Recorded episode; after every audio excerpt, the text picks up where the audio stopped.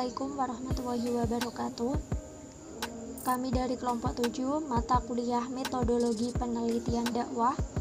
Kami eh, kali ini akan membawakan dan membahas materi tentang tinjauan pustaka dan penyusunan kerangka teori penelitian. Berikut ada beberapa subbab yang akan kami bahas, yakni yang pertama pengertian tinjauan pustaka, yang kedua strategi mencari sumber pustaka, yang keempat menyajikan hasil tinjauan pustaka, selanjutnya yaitu tujuan melakukan tinjauan pustaka, yang kelima yaitu menelaah sumber pustaka, dan yang terakhir yaitu menyusun kerangka teori. Materi yang pertama akan saya bawakan. Yang pertama yaitu pengertian tinjauan pustaka. Tinjauan pustaka merupakan bagian yang sangat penting dari sebuah proposal atau laporan penelitian. Karena yang pertama, menerangkan hubungan antar konsep yang digunakan untuk menjelaskan masalah penelitian. Yang kedua, menyajikan temuan-temuan penelitian yang berkaitan dengan masalah atau variabel penelitian yang pernah dilakukan peneliti-peneliti sebelumnya. Yang selanjutnya yaitu mendapatkan konsep-konsep penting dan temuan-temuan sebagai bahan untuk menyusun bab tinjauan pustaka. Yang terakhir yaitu menyajikan suatu kerangka teori yang menjelaskan tentang hubungan antar variabel yang akan diteliti. Kegiatan dari tinjauan pustaka yaitu mencari, membaca, dan menelaah. Sedangkan tujuan melakukan tinjauan pustaka yaitu uh, yang pertama membatasi masalah dan ruang lingkup penelitian.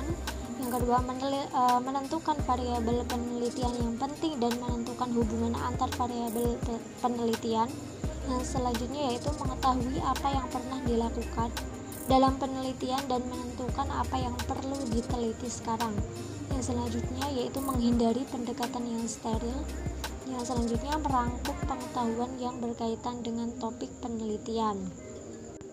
Berikut cara membatasi masalah dan ruang lingkup penelitian, yaitu yang pertama menentukan topik penelitian, yang kedua yaitu e, membatasi masalah dan ruang lingkup penelitian. Ini e, mendiskusikan dengan teman yang lebih ber, berpengalaman meneliti atau dengan e, tutor atau dengan dosen.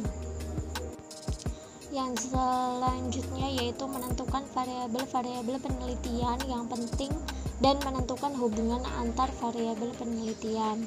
Contohnya, peneliti Munchinsky dan Tartle telah menelaah 150 laporan penelitian mengenai hubungan antara beberapa prediktor dan pengunduran diri pegawai dari pekerjaannya atau job to mover e, maka ditemukan lima variabel yang banyak diikuti yaitu yang pertama ada job satisfaction atau kepuasan kerja yang kedua job performance atau prestasi kerja yang ketiga biodata yang keempat personal factors atau lama bekerja yang kelima work related factor yang keenam test score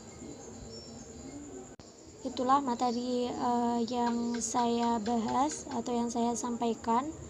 Uh, saya Irkhiria untuk materi selanjutnya akan disampaikan oleh Endah Lestari.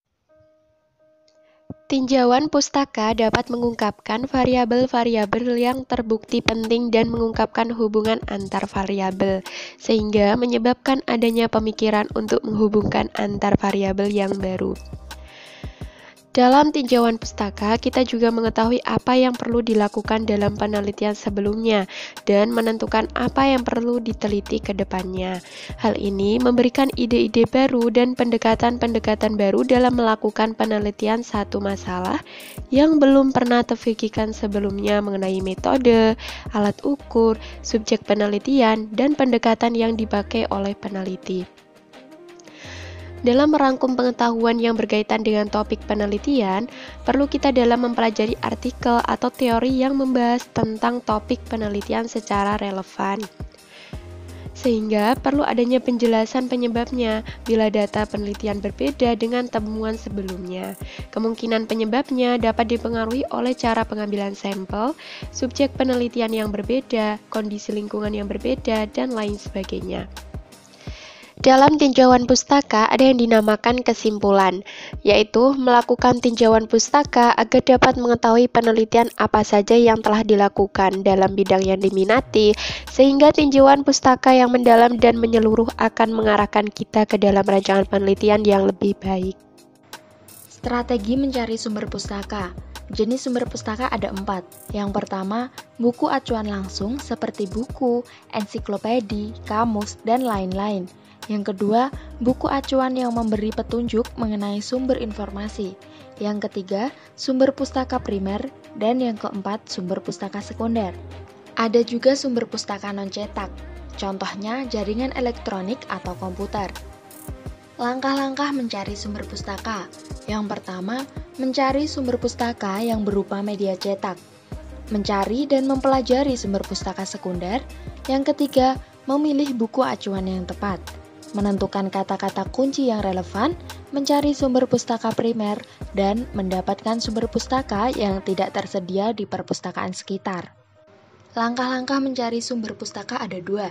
Yang pertama, sumber pustaka, dan yang kedua, menelaah artikel biasa.